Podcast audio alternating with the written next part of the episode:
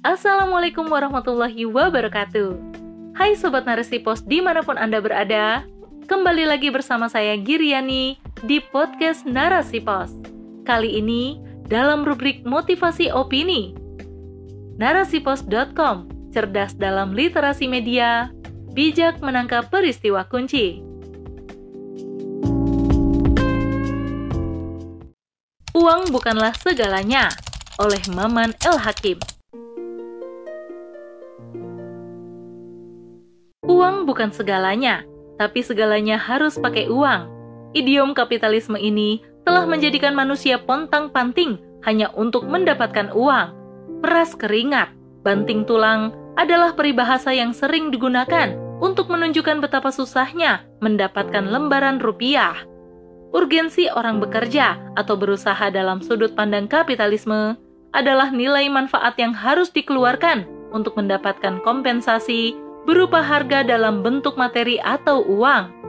Untuk memenuhi kebutuhan hidupnya, manusia harus berusaha memproduksi barang atau jasa.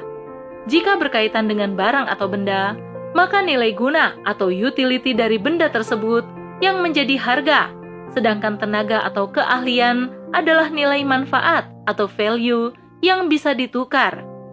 Seiring zaman, manusia menjadikan uang sebagai satu-satunya alat tukar dan nilai dari harga itu sendiri. Sebelumnya, manusia mengenali uang sebagai alat tukar saja.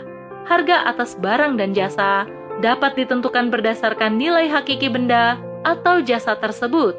Berbeda dengan kehidupan manusia modern saat ini, uang tidak lagi sekadar alat tukar atau medium of exchange, melainkan telah menjadi standar harga dari barang atau jasa tersebut uang telah menjelma sebagai kebutuhan yang selalu dicari manusia untuk melangsungkan hidupnya, karena dengan uang semua kebutuhannya dapat terpenuhi.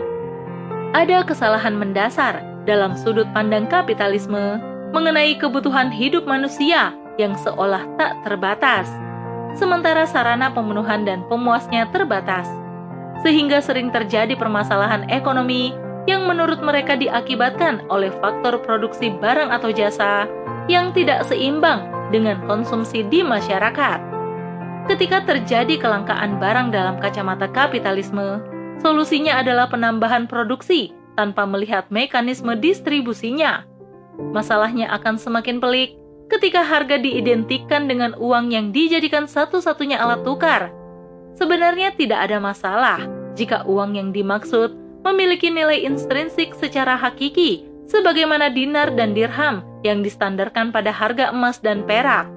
Uang yang berlaku saat ini hanya berupa lembaran kertas yang nilai nominalnya dilegalkan karena adanya payung hukum dari penguasa sebagai alat tukar yang sah. Nilai selembar dolar dengan rupiah misalnya.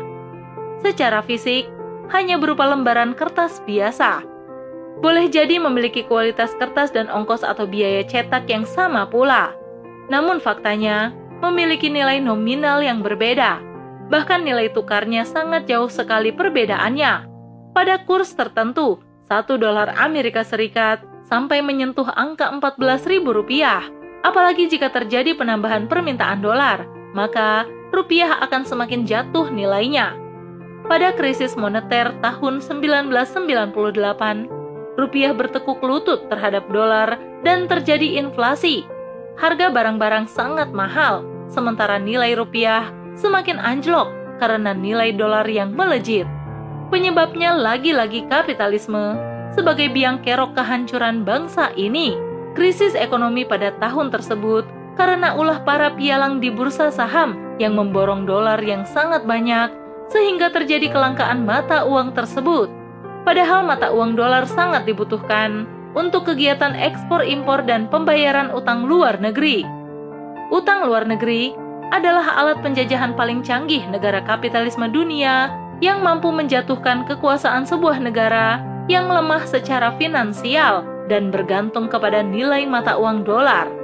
Lembaga Moneter Internasional atau IMF yang digadang-gadang sebagai tukang suntik bagi negara-negara yang sakit secara finansial tidak lebih hanyalah lintah darat, pengisap darah yang mengerikan dengan jebakan utang yang dikucurkannya.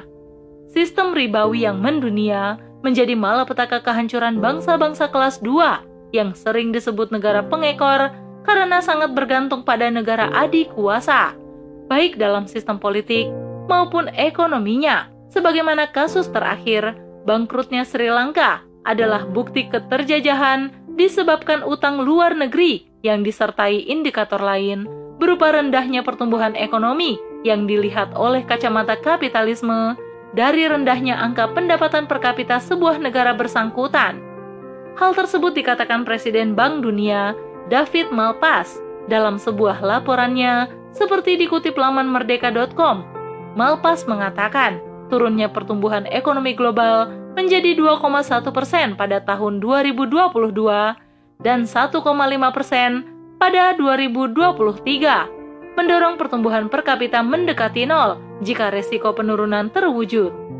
Secara global, pertumbuhan ekonomi dunia sedang dihantam oleh perang, penguncian COVID-19 baru di Cina, gangguan rantai pasokan, dan meningkatnya resiko stagflasi dan periode pertumbuhan lemah, serta inflasi tinggi yang terakhir terlihat pada 1970-an. Dalam laporan yang disampaikan Malpas tersebut, disebutkan bahwa pertumbuhan yang lemah kemungkinan akan bertahan sepanjang dekade karena investasi yang lemah di sebagian besar dunia. Keadaan inflasi yang tengah berjalan pada level tertinggi selama beberapa dekade di banyak negara dan pasokan diperkirakan tumbuh lambat. Ada risiko bahwa inflasi akan tetap tinggi untuk waktu yang lebih lama. Krisis ekonomi akan selalu terjadi karena adanya sistem ribawi yang diterapkan dunia saat ini memosisikan uang segalanya, menjadikan dunia gelap mata, sehingga menjadikan sektor ekonomi non-real sebagai penentu pertumbuhannya.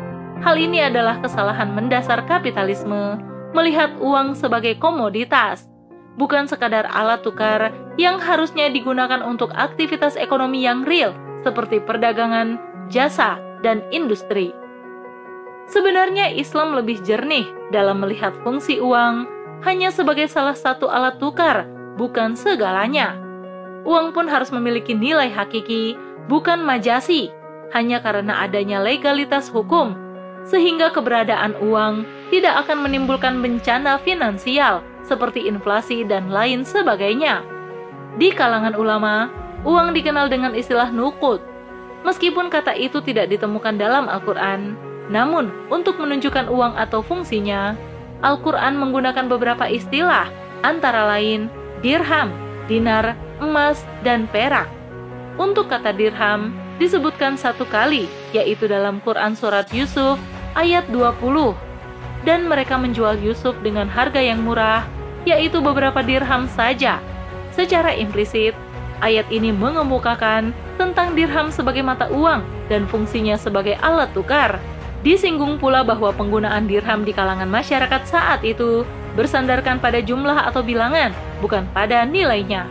Nilai uang harusnya tidak dilihat berdasarkan dari angka nominalnya saja, melainkan nilai substitusi secara hakiki dari uang tersebut yang berpatokan pada harga emas atau perak yang terjamin keberadaannya. Wallahu a'lam bishawab. Wassalamualaikum warahmatullahi wabarakatuh.